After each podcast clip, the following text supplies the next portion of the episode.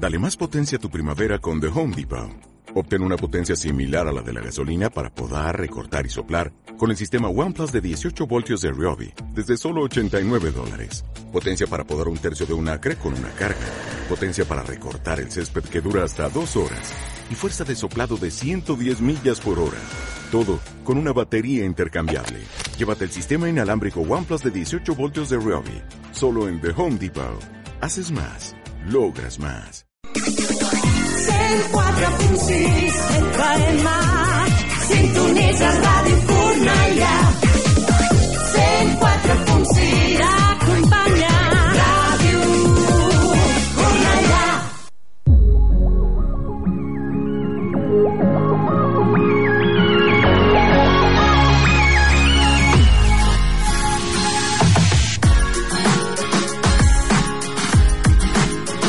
Ara comença Let's Go Creu Roja, mitja lluna roja i cristal roig, amb el patrocini de Conxeroria Montserrat.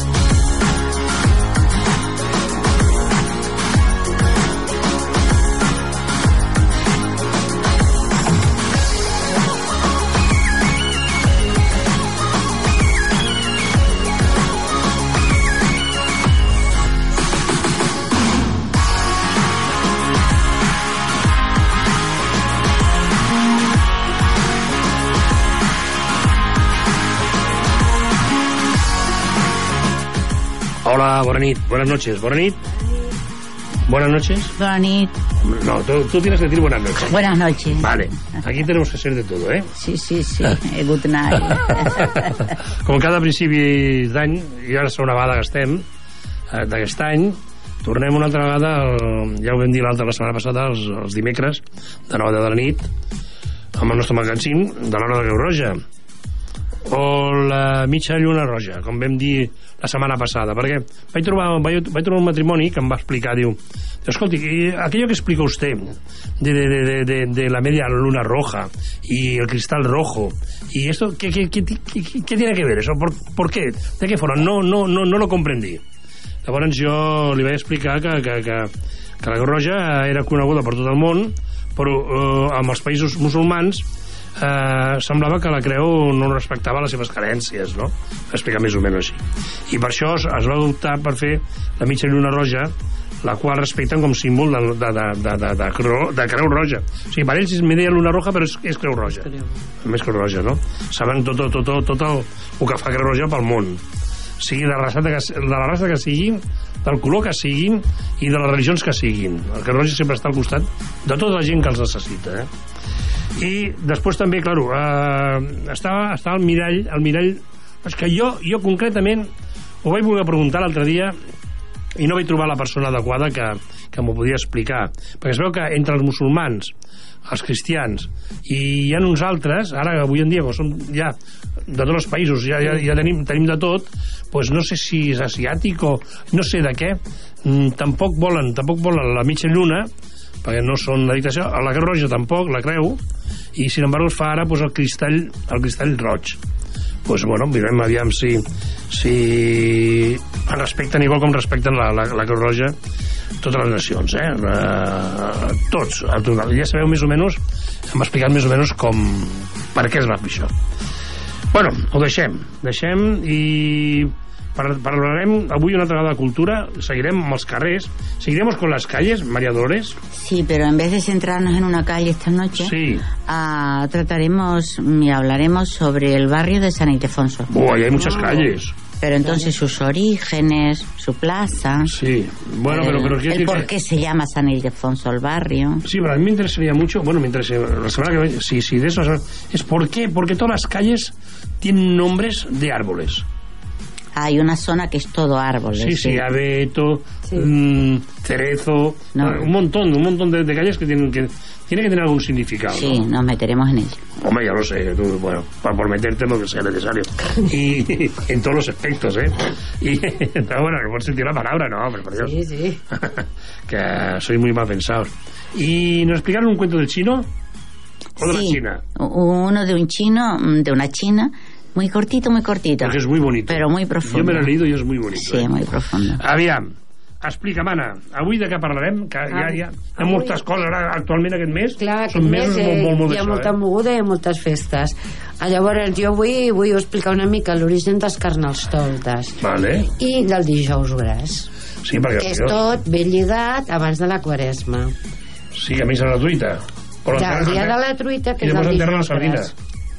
Ah, L'enterro de la sardina. A la setmana següent A la setmana següent, el dijous següent, és el, di el dimecres de cendre i l'enterrament de la sardina. Sí, que jo me'n recordo que era petit, bueno, petit, petit he sigut sempre d'astut, però, però vull dir, petit, d'anys, que, que fèiem unes caixes de morts, posàvem una sardina i un arengue, i, Ah. i anàvem tots a, al camp a enterrar-la i Ah, no, a mi la meva àvia em feia una, una canya Sí, sí, una bueno, sí, canya la de- sí, sí, la portava del penjada. riu i, i, i amb un fil penjada la sardina i anaves a enterrar la sardina a la muntanya. Sí, però nosaltres sortíem corrent, els que tenien així la canya, eh, els que llevaven la sardina sortíem corrent. Ah, Ah, el, el, el, el Xavier ens, ens explicarà els, primers- home, ens donarà un, una, un, una base de, dels, dels primers auxilis per si ens fa falta alguna vegada i en coaching també ens parlarà de, de coses que, que ens va molt bé saber-les i, ent i, i, i, entendre i entendre-les no?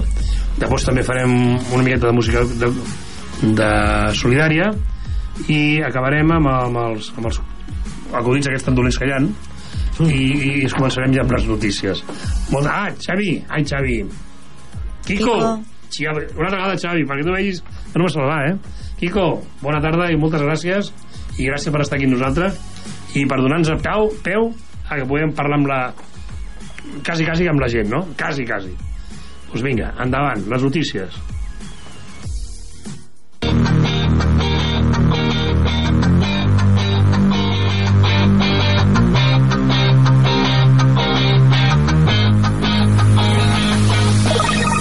Actualitat. Ens posem en acció.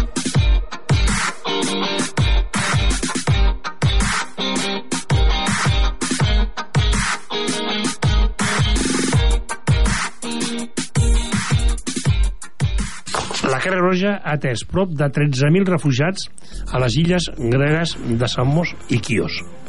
La Creu Roja es- espanyola ha atès prop de 13.000 persones refugiades i immigrants a través de les unitats mòbils de salut UMS, que manté desplegades des de el passat mes de setembre a les illes gregues de Samos i Quios. Les illes gregues constitueixen el principal punt d'accés per a centenars de milers de persones que tracten d'arribar a Europa escapant de conflictes com el de Síria, Afganistan i Iraq. fins al moment, 55 delegats i delegades d'emergències han integrat l'operatiu humanitari de la Creu Roja Espanyola, treballant en estreta col·laboració amb la Creu Roja Helènica i el moviment internacional de la Creu Roja i de la Mitja Lluna Roja. Actualment, la delegació estatal compta amb 11 membres, que seguiran donant suport a l'assistència sanitària que presta la Creu Roja Hel·lènica. En aquests moments, una de les principals preocupacions de la Creu Roja davant d'aquesta crisi de refugiats és la baixada de les temperatures. El mal temps posa en risc la vida de centenars de milers de persones refugiades en el seu recorregut per Europa. Per aquest motiu, l'organització urgeix els governs perquè prenguin mesures per protegir les persones que busquen seguretat i cobrir les seves necessitats bàsiques. Segons indica el director de la Federació Internacional de la Creu Roja i de la Mitja Lluna Roja, Fi- Fi- FICR, a Europa, Simon Misiri, és vital que els governs vegin aquesta protecció com una cosa prioritària i assegurar així que la situació no sigui signific- significativament pitjor. La hipotèrmia és una de les principals preocupacions sanitàries per a aquests centenars de milers de persones que es troben ara a Europa central i als Balcans. Fonamentalment entre la gent gran, la infància i aquelles que pa pateixen altres malalties. Els equips mèdics de la institució també temen impacte psicològic d'aquestes situacions pot tenir sobre la població refugiada. La Creu Roja prioritza en aquests moments l'ajuda bàsica com ara àpats àpats calents, recer, abric, mantes o sacs de dormir. De la mateixa manera, s'estan re- reforçant les unitats mòbils de salut al llarg de diferents rutes del trànsit. Així mateix, la FIRC, Creu Roja, ha destinat i sol·licitat fins ara més de 25 milions d'euros per atendre a 1.054.080 persones refugiades que han entrat a Europa per les costes gregues i italianes.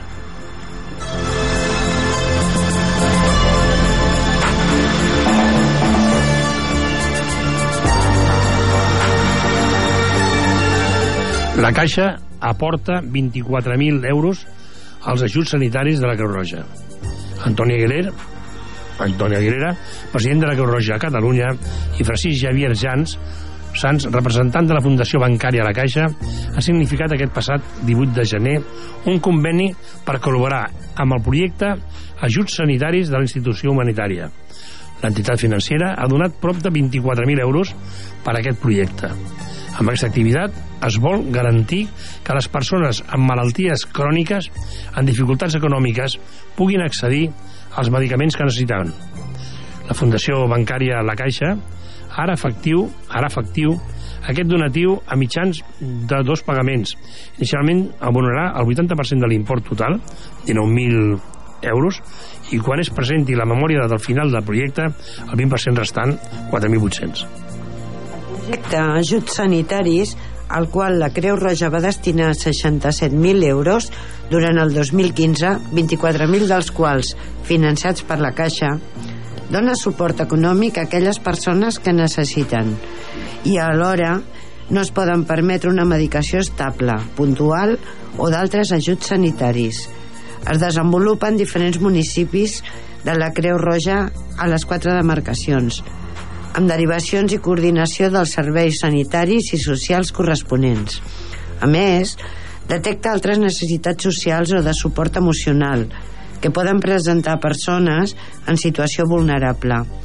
Durant el 2016 s'atendrà més de 400 persones, moltes d'elles amb atenció i prestació de forma mensual o periòdica. Els usuaris i usuàries d'aquest programa són majoritàriament de mitjana edat. Es troben fora del mercat laboral i solen tenir càrregues familiars. Treballadors socials dels CAP deriven a la Creu Roja aquests perfils que, en molts casos, ja reben ajudes públiques de l'Estat o d'altres entitats socials.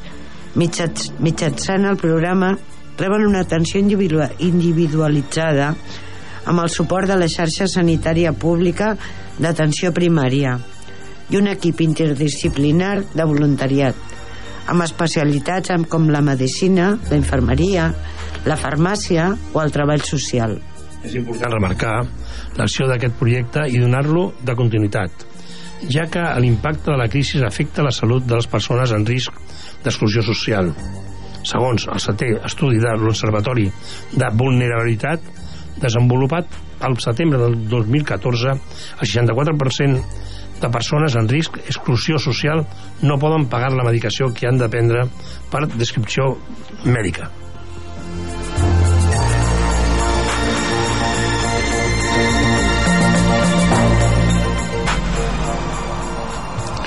Seis años de acción tras el terremoto de Haití.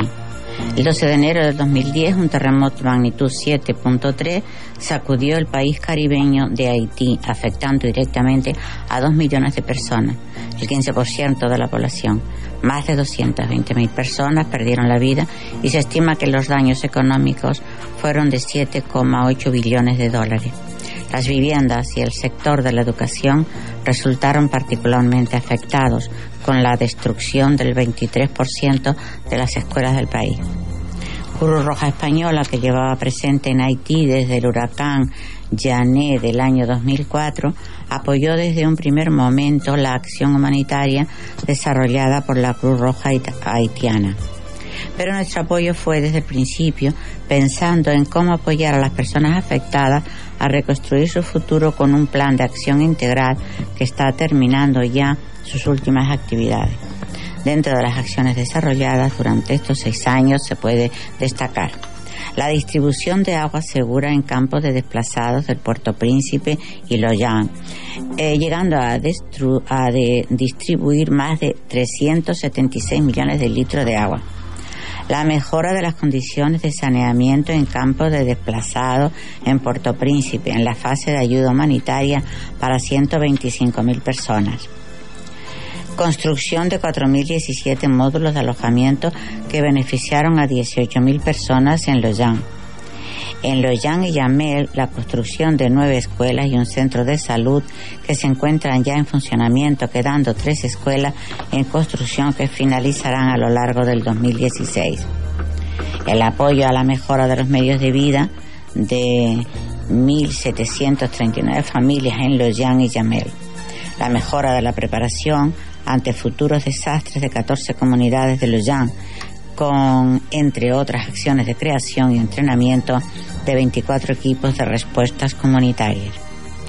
Una vez más, Cruz Roja contó con el apoyo generoso de la población española, de empresas y de administraciones públicas, gracias a la movilización de toda la organización para sensibilizar sobre la situación en Haití y captar fondos para contribuir a construir un futuro diferente para los haitianos y haitianas.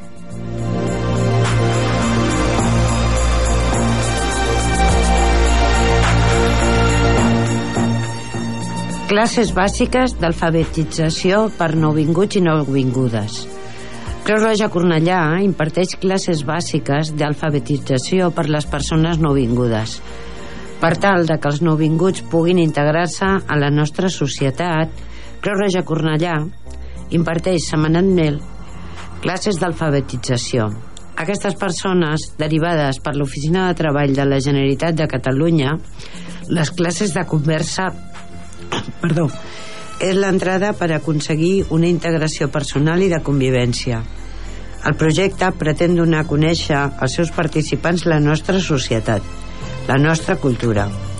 És una forma senzilla d'iniciar un progrés d'integració d'aquestes persones a la nostra ciutat. El voluntariat que imparteix les classes amb alumnat treballa per una comunicació quotidiana i pràctica. Els resultats es poden veure a mig termini, però és un primer gran pas per aconseguir aprovar-los a la nova realitat. Ells i elles aprenen de nosaltres i nosaltres també aprenem d'ells. És una gran experiència, un projecte integrador, un projecte en la línia de treball dels objectius de la nostra entitat.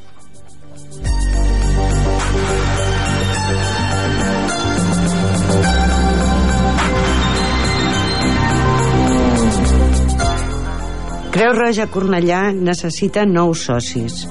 La Creu Roja ha posat en marxa la desena edició de la campanya Sona Creu Roja, amb l'objectiu de promoure la captació de socis i sòcies entre el personal de l'entitat i el seu entorn més proper.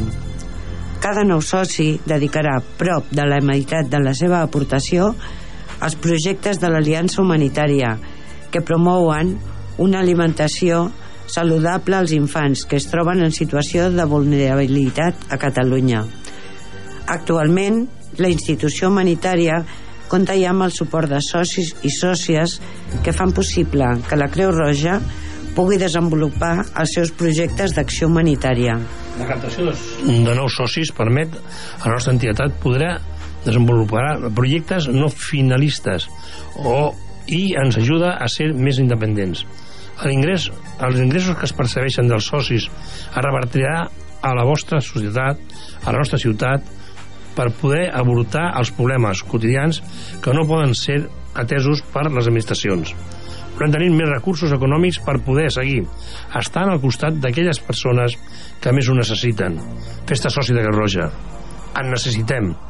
Al carrer Rubior 104 o truca al telèfon 93 474 14 12, repeteixo, 93 474 14 12 i t'informarem.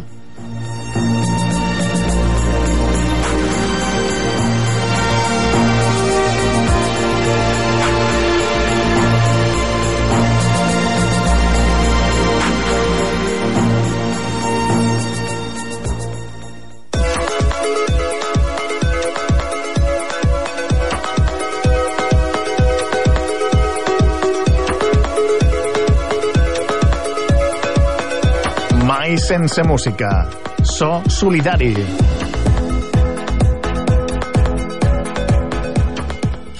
Avui seguirem parlant de, de la diabetis i l'obesitat. La missió, la missió de la Fundació de la Marató de TV3 va ser creada en 1996 per la Corporació Catalana de Mitjans Auto, Autovisuals, perdó, Audiovisuals amb la missió de fomentar i promoure la recerca biomèdica d'excel·lència, així com la sensibilitat social sobre les malalties que es tracten al programa televisiu de la Marató TV3. Mitjans campanyes de participació ciutadana i actes de difusió i d'educació. La Fundació treballa amb la visió de excel·lir de la seva gestió amb tanta disponibilitat i administrador dels diners que proveen fun fonamentalment de les aportacions solidàries que la ciutadana de, de, de la Televisió Catalunya a través del programa La Marató. Escoltem la música.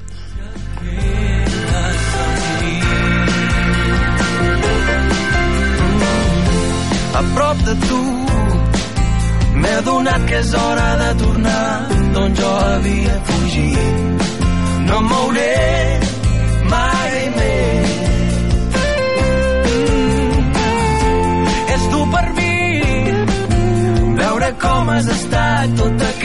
esperant per mi. No em mouré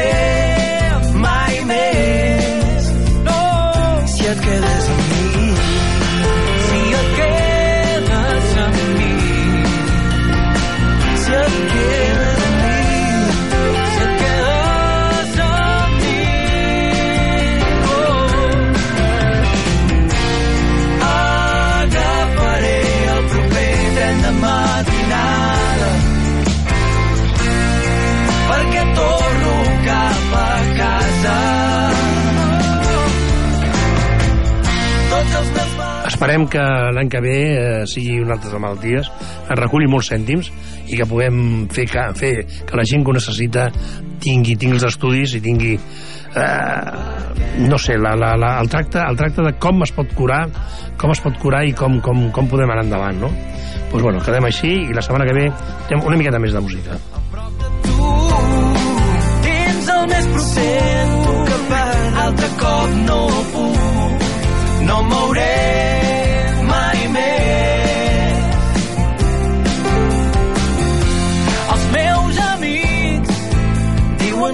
millor per mi és que em quedi al teu costat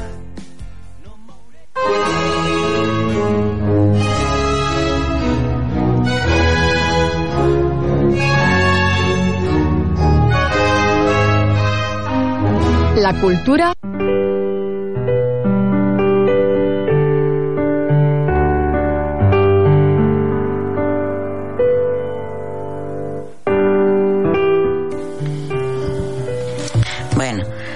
San Ildefonso en Cornellá, como habíamos dicho. El pasado sábado, día 23, se celebró la fiesta de San Ildefonso. No se puede hacer más referencia a nuestra ciudad de Cornellá sin recordarle, por llevar su nombre uno de los barrios más representativos, además de una avenida, una plaza, un mercado, un polígono industrial y una de sus parroquias. es indudable que recordemos somerada- someradamente el origen del barrio y el motivo de que lleva el nombre de un santo que pocos tiene que ver con la, con, con la ciudad. En lo que eran campos, principalmente de cereales, y en el que solo destacaba la Torre de la Miranda, entre los años 60 y 70 se construyó este barrio, que ha sido conocido con los nombres de Ciudad Satélite o San Ildefonso. Aunque este último es el que ha permanecido, que lo recibiera eh, tiene una motivación un poco peculiar. Uno de los promotores inmobiliarios se llamaba Ildefonso y como en aquel momento no podía surgir un nuevo barrio sin la respectiva iglesia, él la construyó dedicándola a su santo patrón. Posteriormente, al ampliarse el barrio original, también se edificó la iglesia de la Virgen del Pilar, que da nombre a otra calle, una plaza, y a la parte del barrio en la que se ubica. Sí, pero durante más de 50 años no se pudo hablar de Cornellá sin hacer referencia a San Ildefonso, tanto desde el punto de vista humano como urbanístico. Es indudable.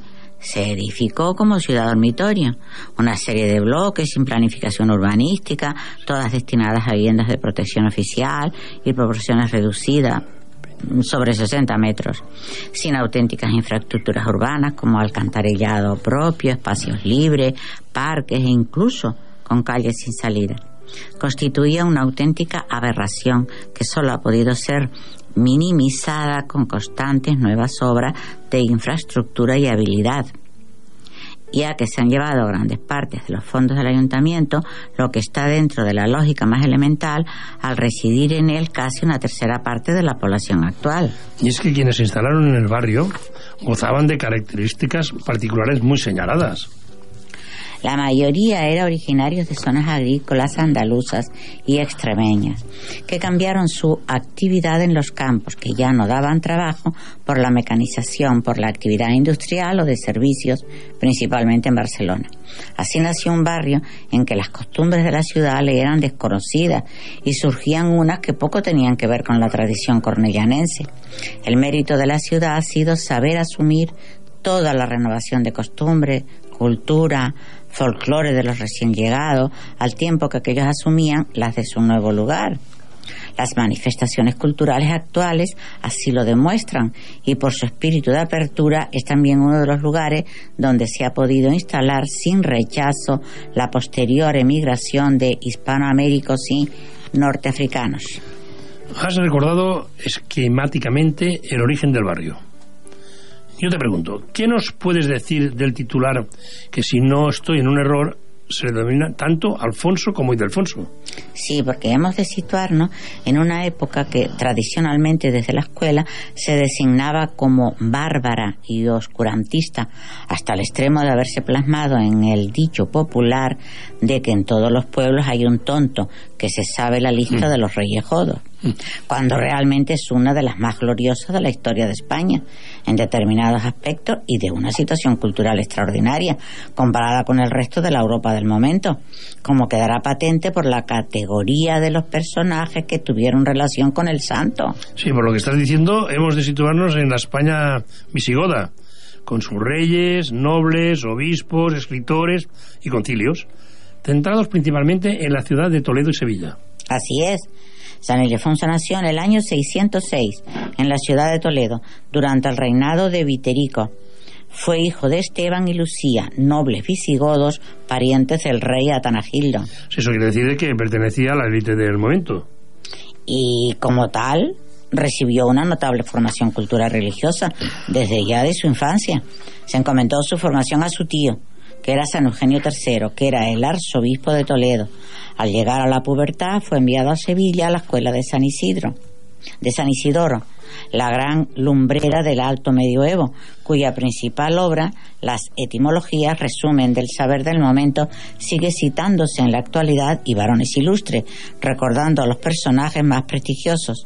Con él estudió filosofía y humanidades, destacando de tal forma que San Isidoro intentó que se quedara a su lado y no vuelva a Toledo, llegando a encerrarle para que no se marchara. Pero él regresó a la capital visigoda y fue en ella donde desarrolló toda su actividad.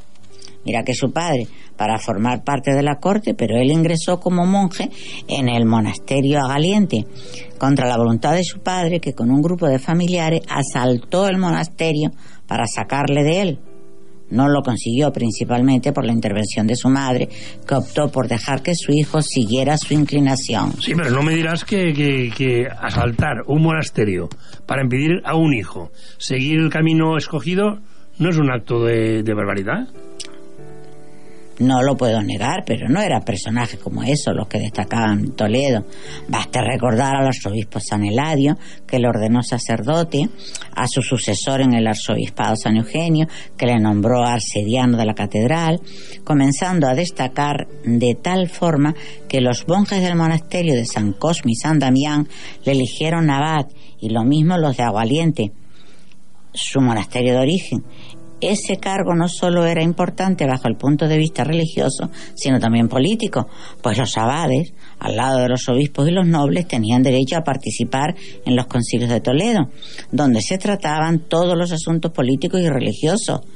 Él firmó como abad en los concilios toledanos octavo y noveno. Pero se le recuerda no como abad, sino como arzobispo de Toledo. ¿Cómo llegó a esta dignidad? Antes hay que recordar también otro hecho. Falleció su padre, heredó una gran fortuna que empleó en la fundación de un monasterio para mujeres de isla, porque sentía, como monje, que también las mujeres que lo desearan pudieran seguir la vida retirada. Fue al morir su tío San Eulogio cuando fue nombrado arzobispo de Toledo.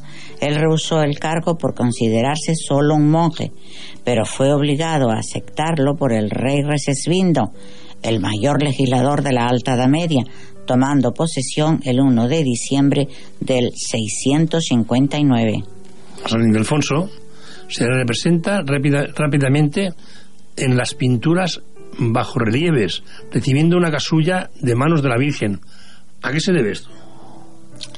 Pues casi nada más consagrado arzobispo, escribió el libro La Virginidad de María contra tres adversarios infieles, defendiendo ese dogma de la religión católica.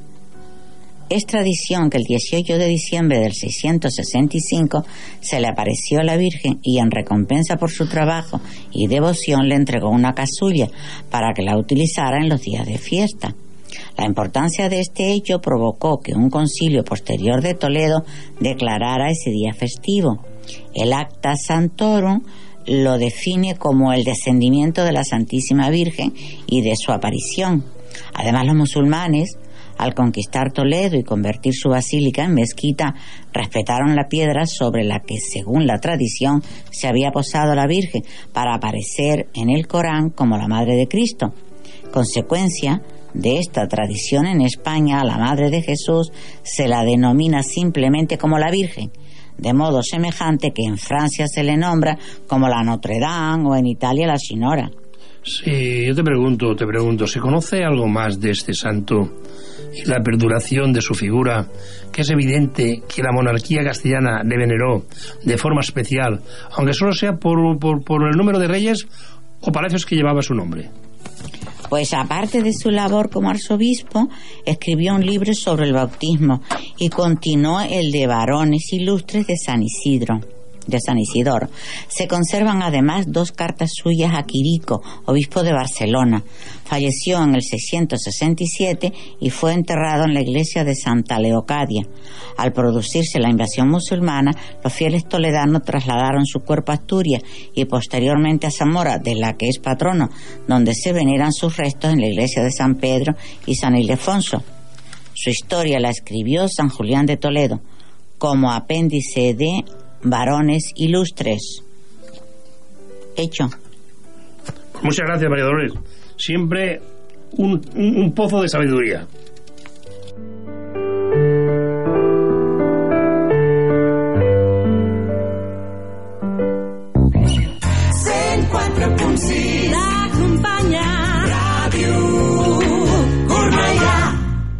Tens una botiga i vols donar-la a conèixer?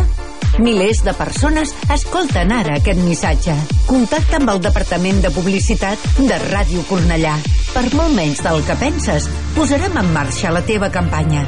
Entra a la nostra web radiocornellà.cat o truca'ns al 93 377 82 00. Anuncia't a la ràdio. Notaràs la diferència. Mentre tu esperes el teu dia, el teu moment, la teva hora t'encomanes a un destí que mai arriba. Ai, vida, el temps fuig per no tornar. Mentre tots fem altres plans, tot comença amb un sol pas. I l'únic rumb possible és endavant.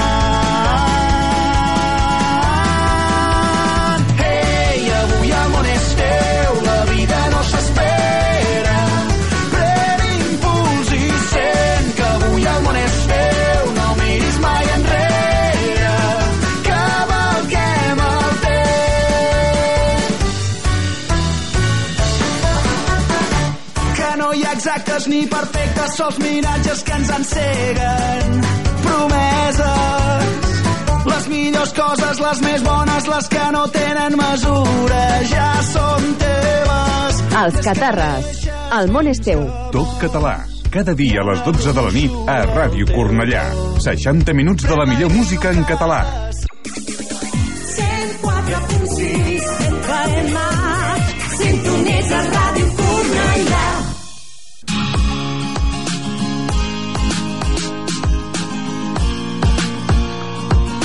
Primers auxilis, pas a pas. Amigos y amigas, hoy en Primeros Auxilis Pas a Pas vamos a dar unas nociones básicas sobre vendajes.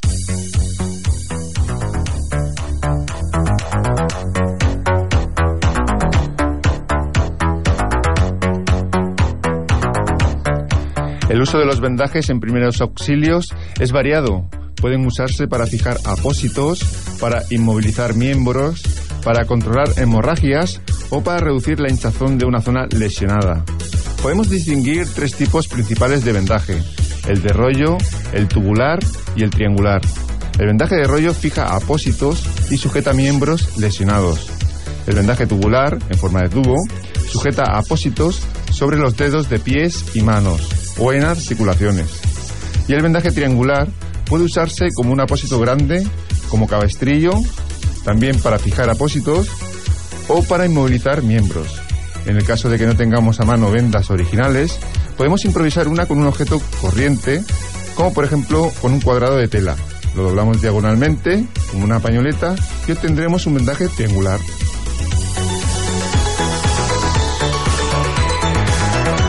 Ya tenemos las vendas y ahora vamos a comentar qué reglas debemos seguir para su aplicación en las diferentes zonas lesionadas de un accidentado. Primera, antes de poner una venda, tranquilizaremos a la víctima y le explicaremos claramente lo que le vamos a hacer. Segunda regla, haremos que la víctima esté cómoda, en una posición adecuada, ya sea sentada o tumbada. Tercera, hay que mantener sujeta la zona lesionada mientras trabajamos en dicha zona. Para ello, pediremos a la víctima o a un ayudante que se encargue de esta labor. Cuarta regla, siempre que sea posible trabajaremos de frente a la víctima y desde el lado lesionado. Quinta, si la víctima está tendida de espaldas, pasaremos las vendas bajo los huecos naturales del cuerpo, tobillos, rodillas, cintura y cuello, y luego las deslizaremos con suavidad de un lado a otro bajo el cuerpo, hasta su sitio idóneo. Por ejemplo, para vendar la, cafe, la cabeza o el torso superior, deslizaremos la venda a través del hueco que hay por detrás del cuello.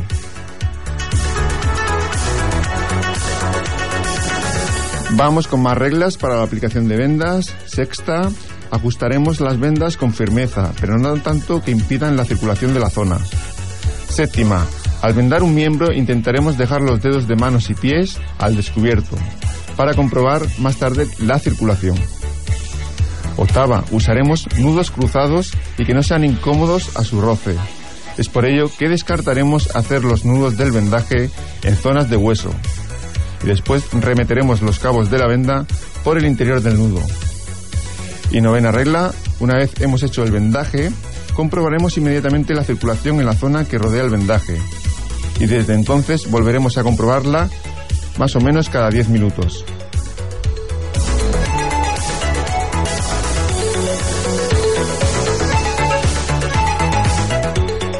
Y para comprobar si un vendaje comprime demasiado o no, seguiremos estos dos pasos. Por ejemplo, en el vendaje de un antebrazo. Primero, presionaremos brevemente una uña o la piel hasta que palidezca y acto seguido liberaremos la presión. Si el color de la uña o de la piel no se recupera o si lo hace muy lentamente, son indicadores de que la venda podría estar demasiado apretada. Y segundo paso, en el caso de que la venda comprima en exceso, aflojaremos el vendaje desenrollando solo las vueltas necesarias para que la zona recupere temperatura y color. Luego volveremos a vendar la parte que hemos aflojado, esta vez con una presión menor.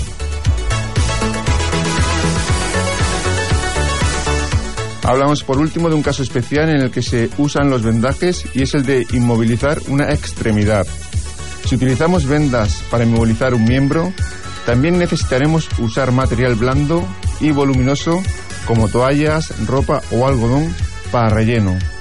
Este material lo pondremos entre las piernas si hay que inmovilizar una de ellas o entre el brazo y el cuerpo para una lesión en una de las extremidades superiores. El objetivo de este relleno es hacer que no se desplacen huesos rotos ni se presione una zona ósea contra otra. En este caso especial de inmovilizar una extremidad del cuerpo, anudaremos las vendas a intervalos a lo largo del miembro. Evitando la zona lesionada. Y las aseguraremos con nudo cruzado por el lado ileso. Si estuviesen dañados ambos laterales del cuerpo, haremos los nudos en el centro donde sea menos posible que causen daños adicionales.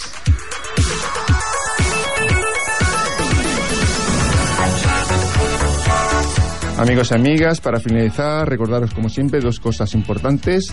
La primera es la importancia de hacer un curso básico de primeros auxilios, aunque sea un curso básico, el tener unas mínimas nociones sobre primeros auxilios puede salvar muchas vidas. Y la segunda es lo importante que es también el tener un botiquín básico de primeros auxilios actualizado en casa, en el coche y en las diferentes empresas y asociaciones. Nada más, en el próximo programa seguiremos dando consejos para emergencias en cualquier lugar o circunstancia, consejos que sacamos de nuestro manual de primeros auxilios de Cruz Roja.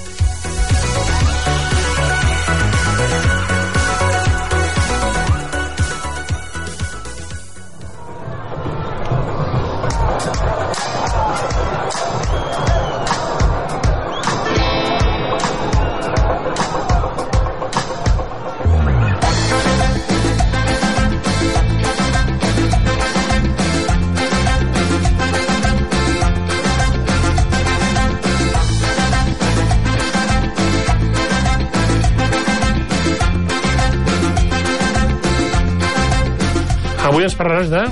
pues avui us vull parlar una miqueta de l'origen dels carnestoltes. Pues vinga, endavant. Perquè es comencem ja la setmana. Pues vinga. Eh, que és una celebració que sempre té lloc abans de la quaresma.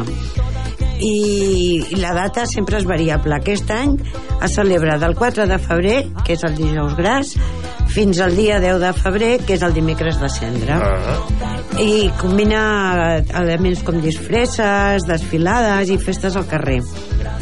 Una de les característiques és la que són, és una època de disbauja i normalment això per això es diu que la gent es posa caretes per, i màscares perquè no la reconeguin perquè per la disbauja que poden posar. Què, què diran els veïns, no?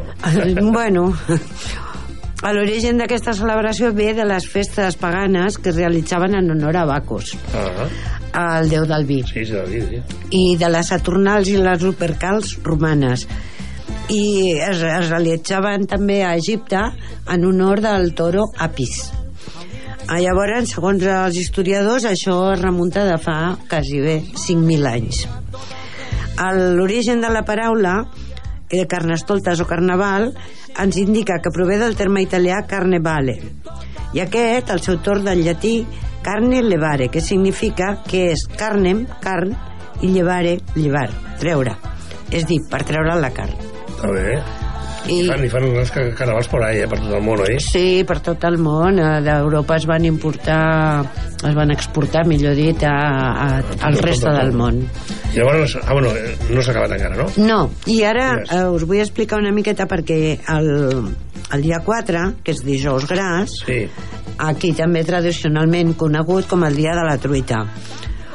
Aquest dia es comencen les dates de carnestoltes i també ens avisa que només queda una setmana pel dimecres de cendre que ens anunciarà la quaresma o que és el mateix que falten 40 dies per Setmana Santa a veure mm, el carne, eh, què té que veure el dijous gras amb la truita? Però això que tenies que fer és que la setmana, la setmana que ve ens ho expliquis molt ben explicat tot això i llarg. Perquè ara ens quedarem una miqueta a mig. vale, Eh? doncs ja la setmana que ve us explicaré setmana explicarem el dia de la truita i a Exacte, més de la sardina. us explicaré de l'origen de la vella quaresma Ah, doncs veus? Vinga, doncs ho deixem per la setmana que ve. Vale. Gràcies, Anna. de res Per aquells que mos ajuden, per aquells que no volen perdre, per aquells que cada dia lluiten,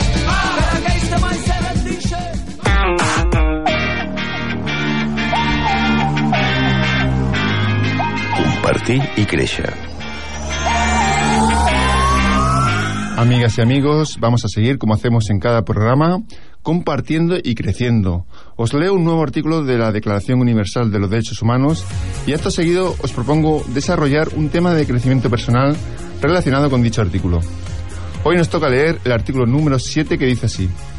Todos son iguales ante la ley y tienen, sin distinción, derecho a igual protección de la ley. Todos tienen derecho a igual protección contra toda discriminación que infrinja esta declaración y contra toda provocación a tal discriminación.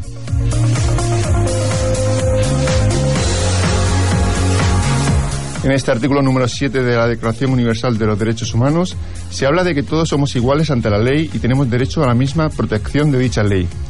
En este contexto, entendemos el término ley como ese conjunto de normas jurídicas que nos pueden amparar o defender en un momento dado ante una situación injusta determinada.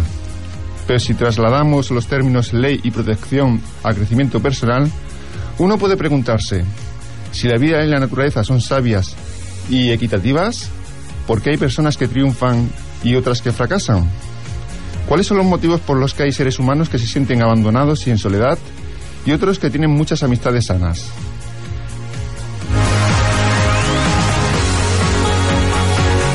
Pues yo descubro el secreto. La vida, la energía del universo siempre están a nuestro lado, en cada segundo de nuestra existencia.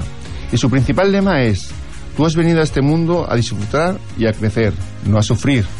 Pero como la energía del universo no es una dictadora, nos da siempre dos opciones a elegir ante cualquier situación que se nos presente en nuestro día a día. Las dos opciones son estas. ¿Quieres gestionar esta situación según tu libre albedrío? ¿O quieres gestionar esta situación según las leyes del universo?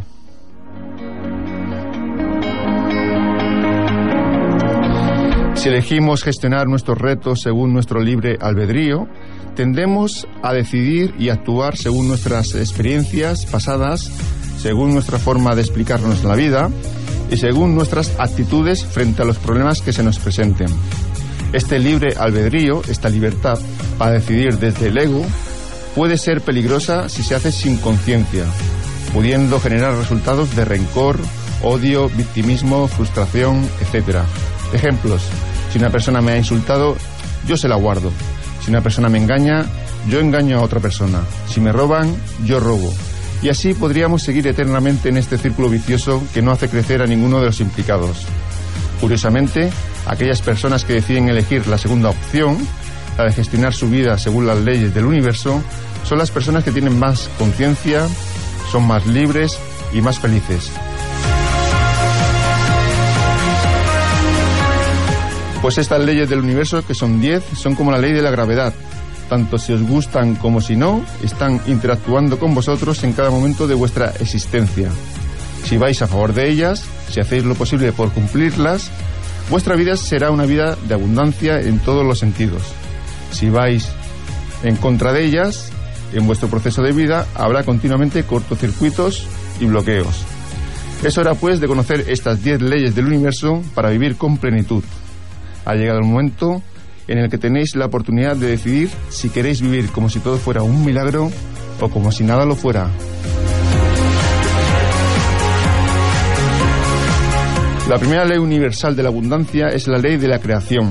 Hasta ahora ya se ha dicho que cada acción tiene una consecuencia, pero pronto se dirá que cada pensamiento tiene una consecuencia. Obtenéis aquello en lo que pensáis, tanto si lo deseáis como si no. Así que vuestros pensamientos que sean positivos y solidarios. La segunda ley es la ley de la vibración. Esta ley nos dice que lo semejante atrae a lo semejante. Atraéis a vuestra vida, según vuestra vibración emocional, no aquello que queréis, sino aquello que sois. Así que pensad, sentid, decid y haced lo mismos, las mismas cosas para vibrar en sintonía y armonía. La tercera ley es la ley de la causa y el efecto. Es posible que no seáis capaces de relacionar los resultados que experimentáis en estos momentos, en vuestras vidas, con sus causas y lo atribuyáis a la buena o a la mala suerte. Pero la suerte no existe. Hay unas causas siempre que vosotros provocasteis para obtener dichos resultados. Procurad que a partir de ahora todas vuestras causas sean de crecimiento personal para compartir con los demás, ecológicas y solidarias. La cuarta ley es la ley del equilibrio. Esta ley indica que aquel que quiere recibir tiene que empezar dando, es decir, que tiene que crear un desequilibrio positivo. Acostumbraros a generar estos desequilibrios ofreciendo buenas acciones sin esperar nada a cambio. La quinta ley es la ley del orden. En nuestra vida es preciso ir paso a paso, subir escalón a escalón. El universo nos va a facilitar antes lo que necesitamos para nuestro crecimiento que lo que queremos. Es por ello que tenemos que seguir este orden. Primero, ser. Ser la persona adecuada. Luego, hacer. Es decir, nos comportaremos según la persona que anhelamos ser. Y luego el tener. Todo lo material que nos tenga que venir, vendrá en el momento que tenga que venir. Recordad, primero ser, luego hacer y por último tener, y no al revés. La sexta ley es la ley de la acción. Ninguna de las leyes anteriores se activará salvo que vosotros cumpláis también vuestra parte. Y vuestra parte consiste en que una vez toméis una decisión, hagáis una acción al respecto tan pronto como podáis. La acción es el puente entre vuestros pensamientos y vuestros resultados. Es el puente entre lo mental y lo material. Y tenéis que ser excelentes en todas vuestras acciones. Tal como hacéis una cosa, así lo tenéis que hacer todo. Vamos con la séptima ley, la ley del mínimo esfuerzo. Sentimos que vivimos en un mundo escaso y que no podemos ser amados sin sacrificarnos por nuestra pareja o no podemos recibir sustento económico sin tener que esforzarnos muchísimo. Pero esta ley del mínimo esfuerzo nos dice que la idea de esfuerzo no existe en la naturaleza y que la escasez es algo antinatural. Realmente no necesitáis sufrir para que las cosas importantes sucedan en vuestras vidas. Tan solo respetad vuestra esencia, vuestro propósito de vida y todo os vendrá. La octava ley es la ley de los medios y los fines. La abundancia se manifiesta cuando hay coherencia entre medios, que son las semillas, y los fines, que son los frutos. Si plantáis lechugas, obtendréis lechugas. Si cultiváis escasez, obtendréis escasez. Así que para obtener felicidad y plenitud, empezad a agradecer y a ver las cualidades en los demás, para así crear redes emocionales y sociales coherentes y solidarias. La novena ley es la ley de la expresión de los dones. Esta ley nos dice que el mundo será un lugar mejor cuando nadie haga aquello que choca de frente con sus valores. Así que descubrid vuestros valores, ponerlos al servicio de vuestros dones, es decir, de vuestras cualidades, y compartirlos con los demás. Y la décima ley universal para vivir con plenitud es la ley del desapego. El desapego no implica que renunciéis a vuestros deseos, solo significa que renunciáis a obsesionaros con el resultado. Desapego significa comprometerse con el camino más que con la meta. Significa regar una planta de forma moderada, confiando en que va a florecer y no ahogarla para que crezca antes de tiempo. Bueno amigos y amigas, os animo a seguir estas 10 leyes universales para vivir con abundancia y plenitud. Gracias.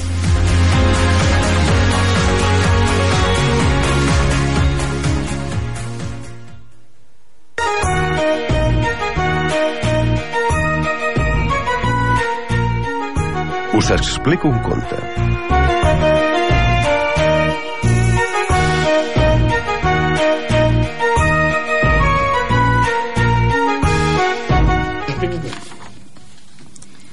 El espejo chino. Un campesino chino fue a la ciudad a vender su cosecha de arroz y su mujer le pidió que no se olvidase de traerle un peine. Después de vender su arroz, el campesino se unió con un grupo de compañeros, bebieron, comieron y celebraron ampliamente el éxito de la cosecha y de su venta. Después, un poco confuso, cuando iba a regresar a su pueblo, se acordó de que su mujer le había encargado algo, pero ¿qué era? Bueno, como no lograba recordar, entró en una tienda para mujeres y compró lo primero que le llamó la atención, un espejo. Volvió a su casa, entró a su mujer el regalo y se fue a trabajar a sus campos. La mujer sin saber qué era se miró en el espejo y sin saber que reflejaba su propia figura comenzó a llorar desconsoladamente. La madre le preguntó la razón de tantas lágrimas y la mujer le contestó, mi marido ha traído a otra mujer, joven y hermosa. La madre, que tampoco sabía lo que era un espejo, lo cogió, se miró y dijo a su hija, no tienes que preocuparte, es una vieja. Gracias, valedores. Gracias.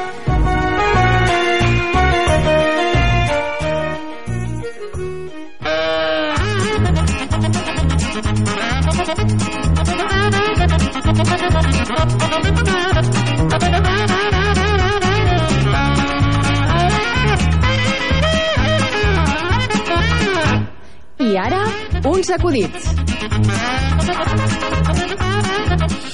Va uno a, a un trabajo y le preguntan, ¿nivel inglés? Alto. A ver, ¿es hoy? Dice, no, hoy es viernes.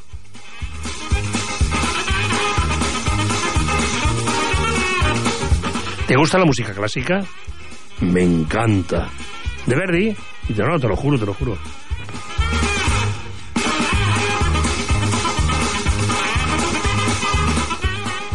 Hola, soy García de Homicidios. ¿Quién es? Agente Escobar. Asesinato de un varón de 38 años. Su madre le ha dado seis puñaladas por pisar lo fregado. ¿Han detenido a la madre? No, todavía no. El suelo está mojado.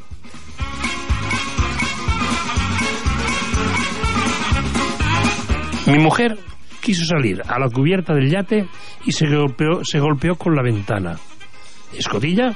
Oh, muchísimo además. Torpe y que te cagas.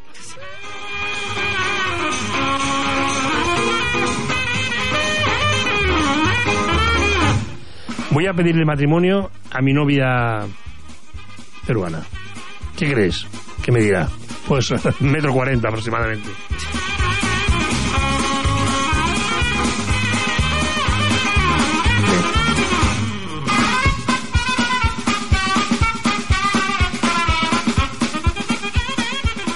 I abans d'acabar, unes paraules per a la reflexió.